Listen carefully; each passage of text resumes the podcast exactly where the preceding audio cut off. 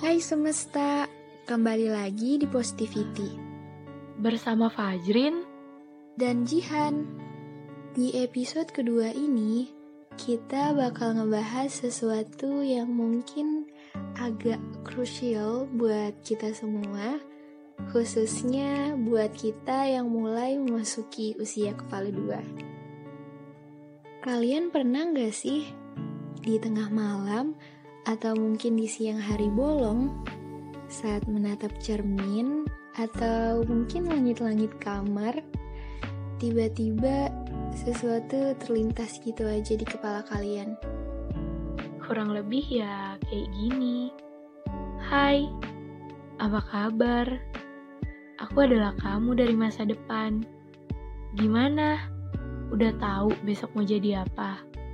Udah ada bayangan ke depannya gimana?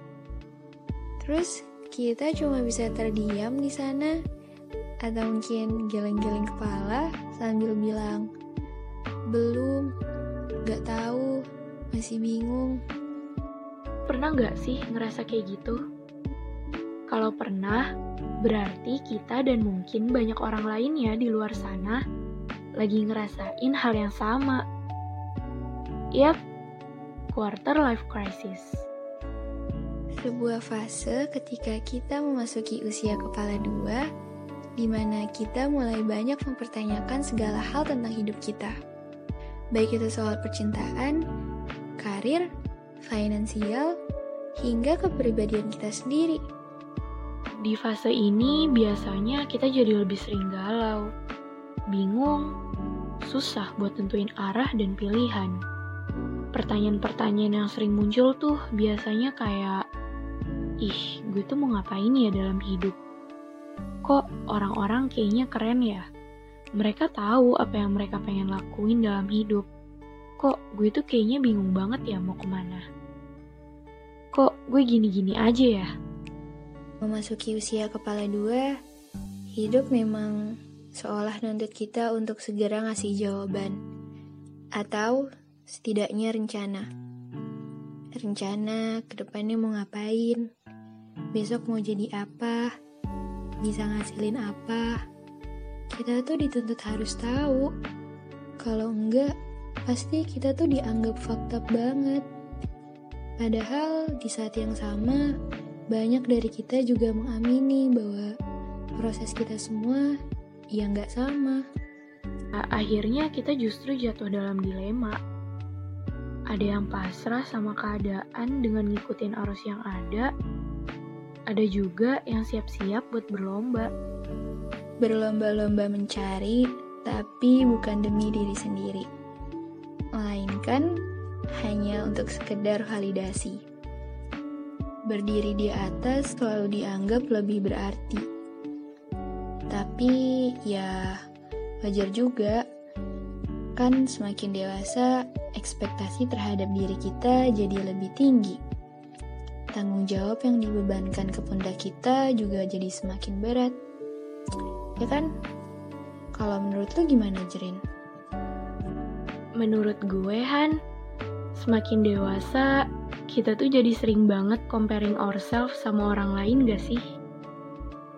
Hmm, kadang ngeliat temen di umur yang sama, tapi kita ngerasa kok pencapaian mereka udah bisa lebih daripada kita mereka udah punya value dalam hidupnya. Dan sedangkan kita yang gini-gini aja. Tapi gue juga sadar sih, kalau ternyata hal kayak gitu tuh nggak bisa kita jadiin parameter. Kita nggak bisa sama ratain setiap proses yang orang lain jalanin sama proses yang kita jalanin. Karena tujuan setiap orang tuh beda-beda gak sih? Padahal bisa aja yang orang lain lihat kalau kita tuh udah punya value dalam hidup kita. Dan karena kita juga terlalu terfokus sama orang lain, kita juga nggak sadar kalau ternyata progres yang kita lewatin tuh udah banyak banget selama ini.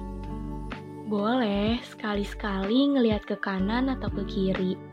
Tapi ya tujuannya untuk memotivasi aja sih, bukan untuk ngebanding-bandingin hidup lo gitu. Dan perlu diingat juga, kalau timing setiap orang tuh beda-beda. Bisa aja apa yang orang lain udah alamin sekarang, kita bakal ngalaminnya entah itu setahun kemudian, dua tahun, atau bahkan kalau emang waktunya besok pun, ya bakal kejadian gitu sama kalian. Hmm, dan gak perlu minder juga sih kalau kalian ngerasa kalian belum jadi apa-apa. Sama, gue juga sering banget ngerasa kayak gitu. Dan hal yang gue lakuin ya tetap fokus ke apa pun yang lagi gue senengin sekarang. Kalau lo gimana Han? Hmm, kalau gue sendiri, gue tuh biasa ngelihat hidup gue gak bedanya gue ngelihat pohon. Jadi, ketika usia gue semakin bertambah, ya pohon kehidupan gue juga jadi semakin tinggi. Dan seperti halnya pohon lain, ketika ia semakin tinggi, maka angin yang menerpa di atas sana juga jadi semakin kencang. Di sini gue ngelihat quarter life crisis sebagai badai angin itu yang udah siap menerpa gue di atas sana ketika gue sudah mulai bergerak menuju pendewasaan. Dan kita juga di sini semuanya sudah paham betul bahwa bagian menjadi dewasa adalah kita jadi semakin terbuka akan lebih banyak permasalahan kehidupan yang rasanya tuh tingkat kesulitannya dikali berkali-kali lipat. Ketika badai KLC itu terjadi, I guess it's a normal thing kalau nantinya kita bakal ngerasa cemas, ngerasa bingung, mendadak kepala tuh isinya cuma rasa takut, khawatir, minder. Yang bisa kita lihat cuma segala apa yang kurang di diri kita dan segala yang lebih di orang lain.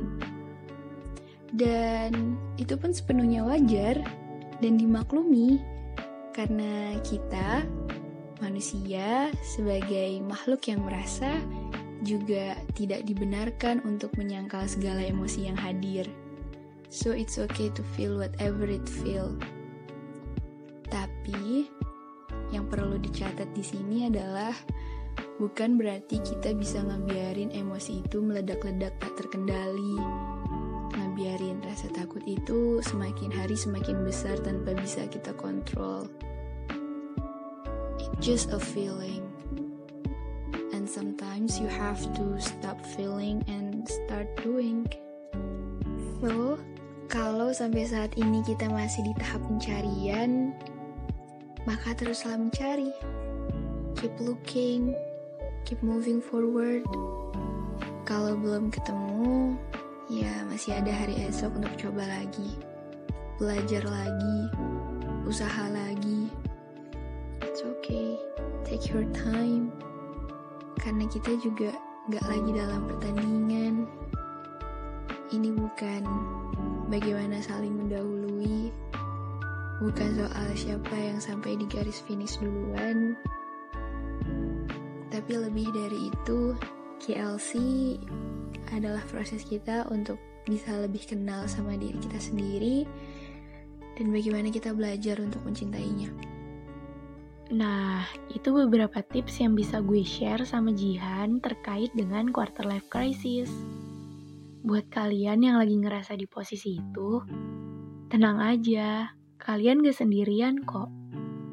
Kalian bisa tetap lakuin apa yang kalian suka dan keep moving forward.